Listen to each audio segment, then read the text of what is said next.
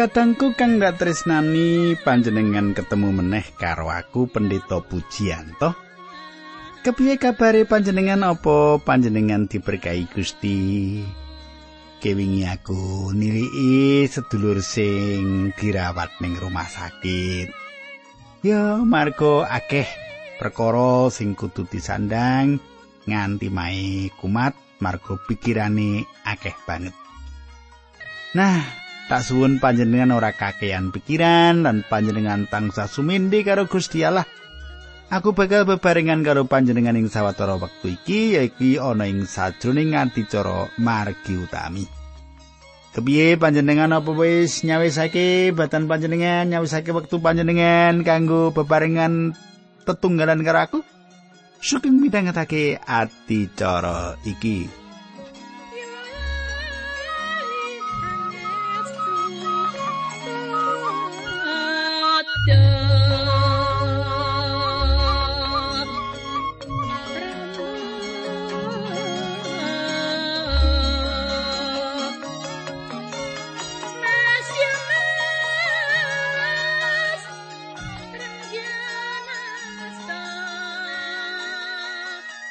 Para pamirsa, kepungkur tentune panjenengan kelingan apa sing tak aturake marang panjenengan.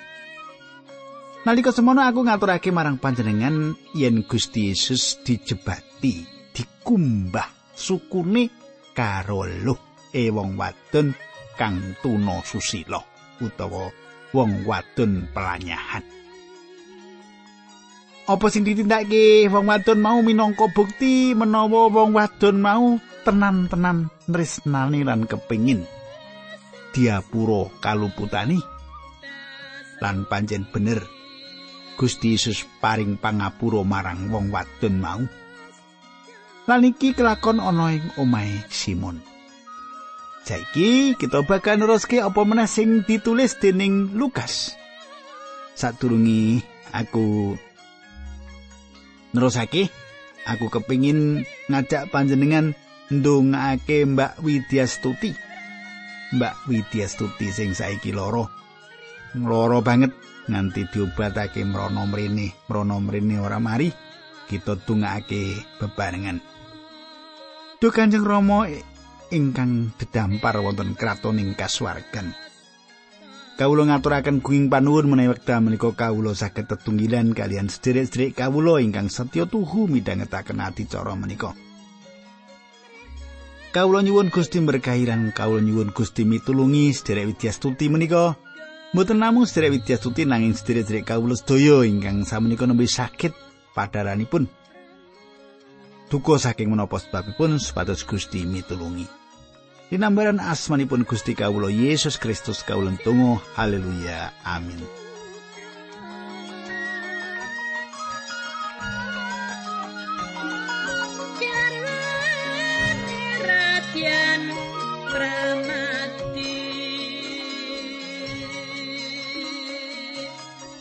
Katangku kang dak tresnani, ayo kita nerusake enggon kita sinau anggekilut ing Injil Lukas iki.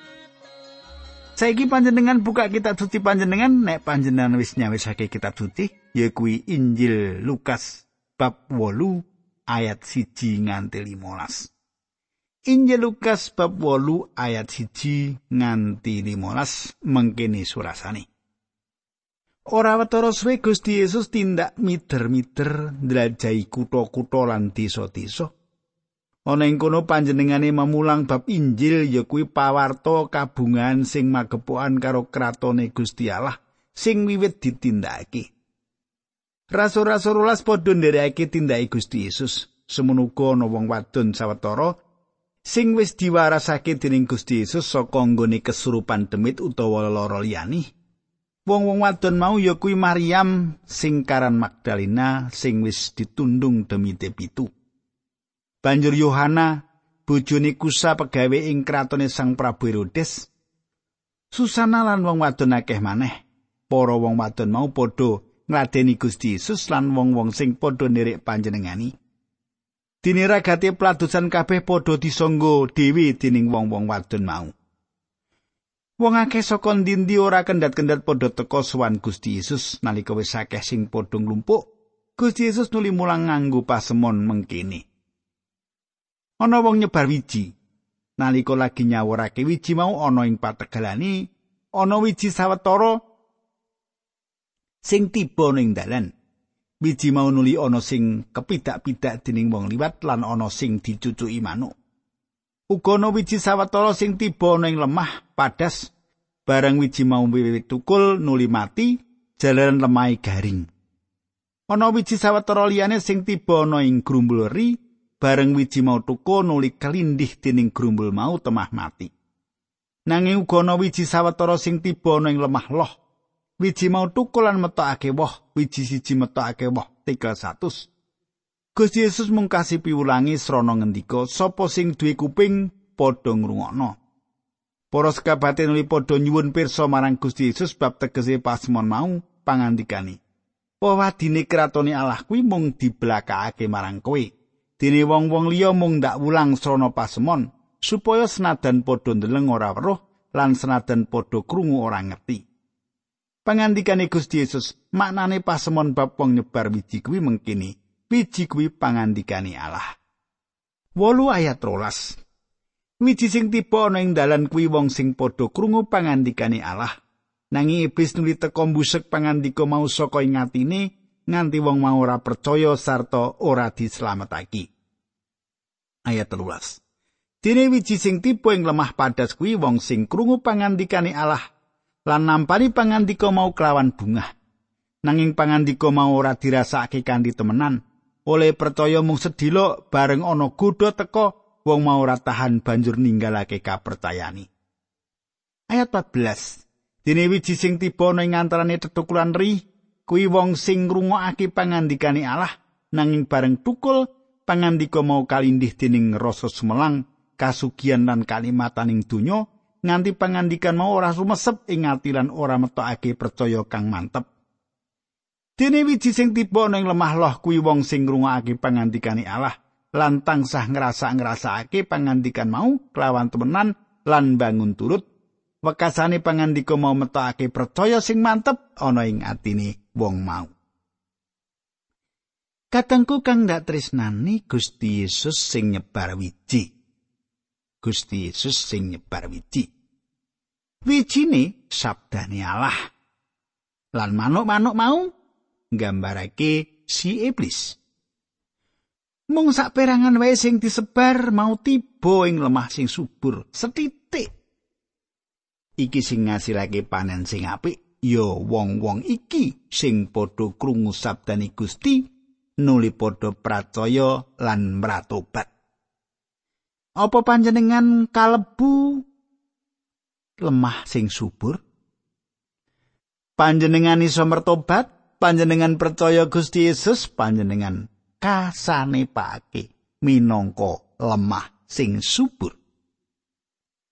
Saiki ayat 16 nganti ayat 18. Ora ana wong sing nyumet dian nuli ditutupi panci utawa didokokake nglongan. Koso baline dian sing wis disumet bakal ditumpangake ana ing ajuk-ajuk supaya saben wong sing ana ing jero omah kepadangan. Sebab perkara sing disidhem bakal diumumake lan barang sing ditutup-tutupi bakal konangan lan diwarta-wartakake. Awit saka kuwi padha ngatekno kandaku sapa sing wis duwe bakal ditambahi nanging sing sapa ora duwe apa-apa wong mau bakal dipunduti apa sing dikira diduweni. Katangku kang ndak tresnani. kita duwe tanggung jawab. Kita duweni tanggung jawab nalika cahya pepadang iku wis kita duweni. Kita duwe tanggung jawab nalika kita wis duwe pepadang jelaran maune kita ing pepeteng. Lan nalika sunaring Injil padha kita tampani kita lagi padha duweni cahya pepadang. Asring kita sadar yen kita manungsa iki ana watese. mula kena diarani bodho. Kita manungsa iki para wong dosa jalaran keringkian kita. Nanging dosa-dosa sing tumindak ing urip kita, dosa-dosa sing kita lakoni ana ing urip kita, sanyatane padha kita jarak. dosa mau kita lakoni kanthi kajarak. Nalika kita kalairake ing jagat iki kahanan kita pancen wis ilang wis ketriwa tanpa ana papadang saka Gusti Yesus kita tetep bakal ketriwa yen kita tanpa pepadang saka Gusti Yesus kita dadi wong sing ilang kita kudu duweni tanggung jawab nggone kita nampani cahya pepadange mau kaya to sing ditulis Lukas 8 ayat 19 nganti selikur mengkini surasani. Nalika semono Gusti Yesus dipuruki dening ibu lan sederek-sedereke nanging padha ora bisa ketemu karo panjenengane mergo saka akeh wong. Nuli ana wong sing ngaturi pirsa marang Gusti Yesus. Ibu lan sederek-sederek panjenengan wonten ing Jawi badhe kepanggih kalian panjenengan. Nanging Gusti Yesus ngendika, "Ibuku lan sedulur-dulurku kuwi saking wong sing padha ngrungokake lan ngestokake pangandikane Allah." Katengku Gusti Yesus sang manungsa sejati ora kok nyelaki gegayutane sesambungane karo keluargane. Nanging kepiye? Gusti Yesus nyetakake gegayutan sing luwih jero. Sing luwih jero tancepe ketimbang mung gegayutan paseduluran baik. apa sing dingendikake Gusti Yesus iki kudune padha ngiring ati kita supaya kita duweni sesambungan sing istimewa sing jero karo Gusti Yesus. Pirsa panjenengan apa sing tak karepake katangku? Saka pangandikan iki bakal nuntuni kita, nuntuni kita supaya kita duweni sesambungan sing istimewa. sing endah, sing raket lan sing jero. Jero tancepe mesine karo Gusti Yesus. Saiki Lukas 8 ayat 23 nganti ayat selawe panjenengan titi. Sawijining dina Gusti Yesus lan para sekabate nitih prau Gusti Yesus ngendika marang para sekabat mau ayo padha nyabrang mrono. Praune tumuli mangkat Nalika lagi padha layaran mau Gusti Yesus sare dumadaning tlaga ana prahara gedhe, praune klebon banyu nganti nguwatarake banget. Para sekepat nuli padha marani Gusti Yesus panjenengane diwungu aturi Gusti, Gusti kawula sami ketiwasan. Gusti Yesus nuli wungu. Angin lan ombak mau didawi supaya lerem kabeh. Gusti Yesus tuli ngendika marang para sekepate pengandalmu ana ing endi? Para sekabat mau padha wedi lan gumun banget sarta padha rasanan. Wong iki sapa to? Dene nganti angin lan ombak padha ngistokake dawi. Kadangku angin lan alun, angin lan ombak ora ganggu penggalihe Gusti Yesus. Nanging para murid padha dadi gojak-gajek atine. Nuli Gusti Yesus ndawi ombak lan tlaga iku sidem. Mukjizat sing kasat mripat yaiku ombak sakala mandek. monggo wis kelakon sawetara wektu suweni. Pengalaman urip kita uga kaya ketrajang ombak gedhe. Nganti bingung golek sangkan parane pitulungan. Ana sing rono, sing rene, kono ana krungu wong pinter mlayu rono, kono ana wong pinter mlayu rene. Golek sangkan parane pitulungan. Kadang ora sam rono mrene panjenengan. Ora sam layu rono mlayu rene kadangku. Sing baku panjenengan nyedak o karo Gusti Yesus. Supaya mbak mawalikan sing nempuh urip panjenengan kaleremake. Sing bisa ngleremake ora liya Gusti Yesus. Tak teruske Lukas bab 8 ayat 6 likur nganti pitu likur tak wacake.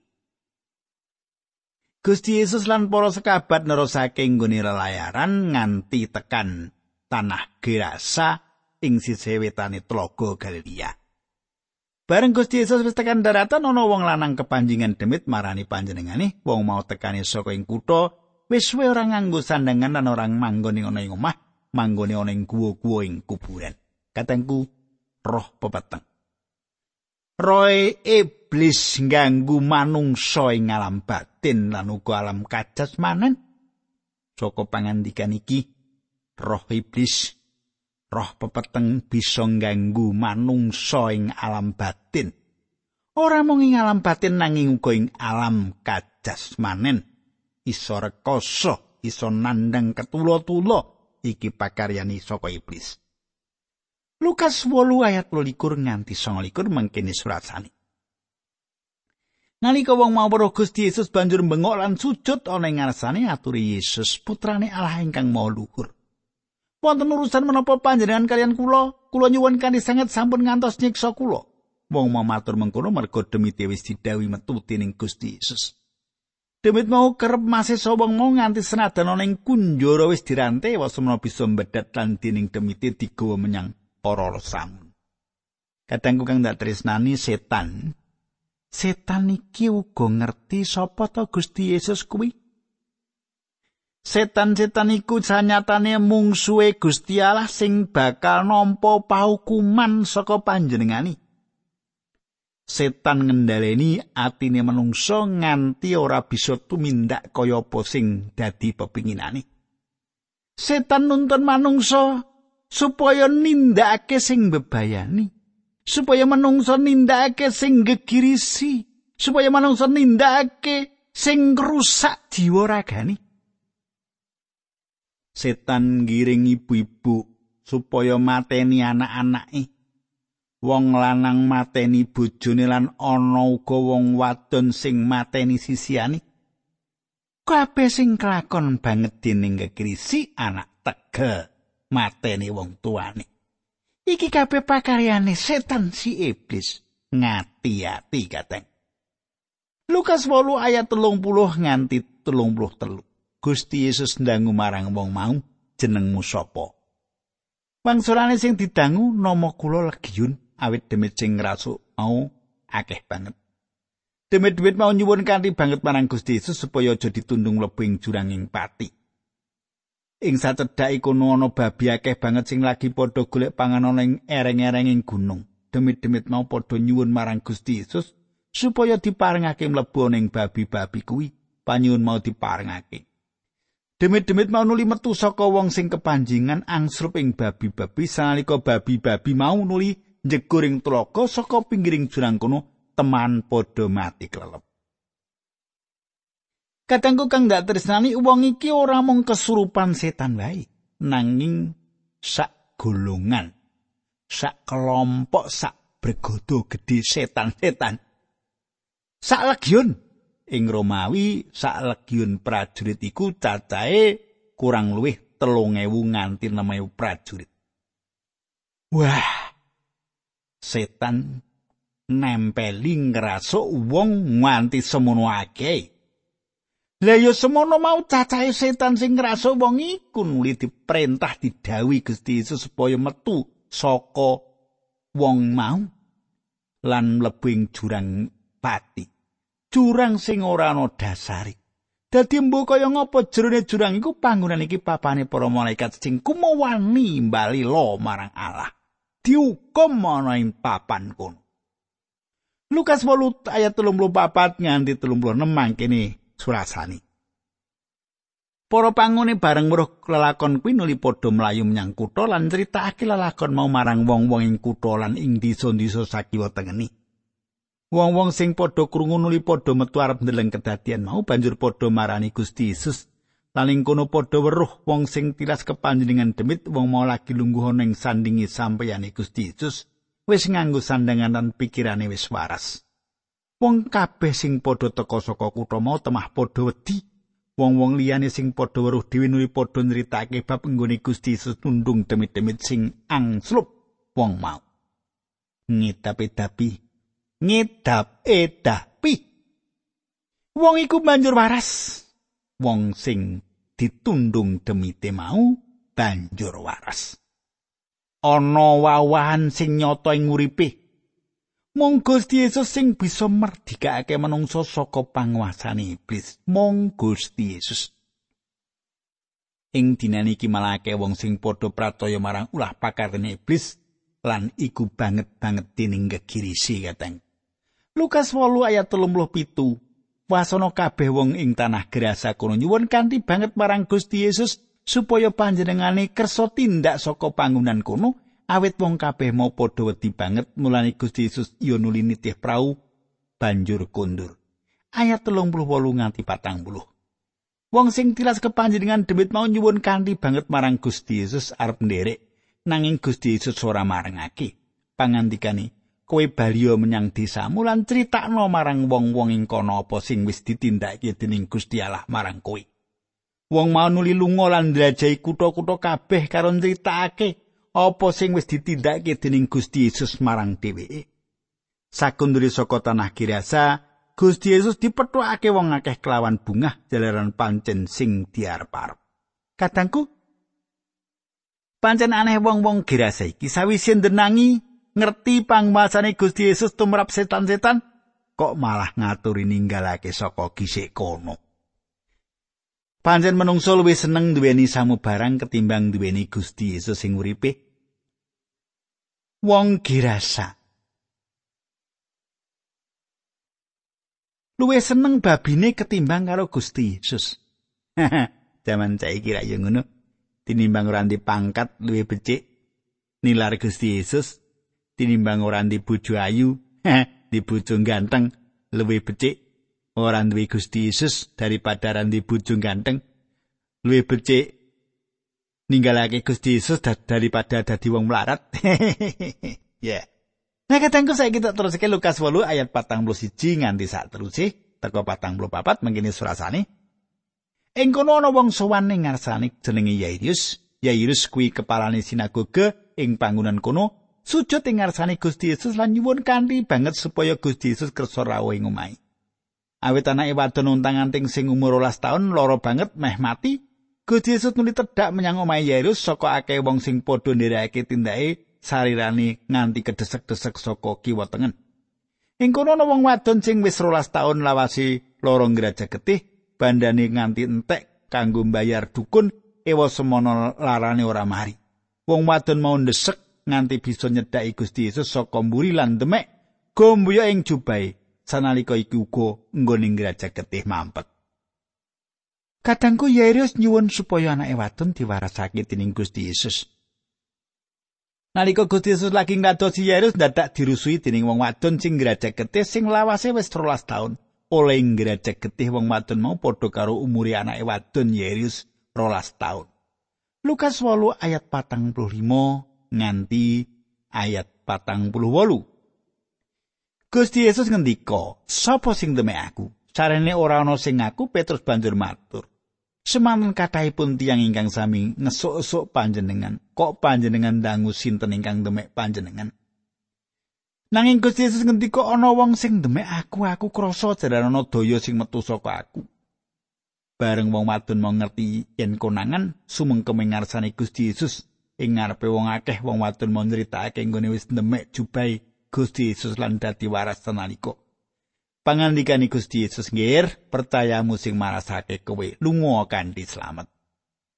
Sumitraku Gusti Yesus ora ngrayang wanita mau, nanging wanita mau sing ngemek, sing demek, sing demok Gusti Yesus.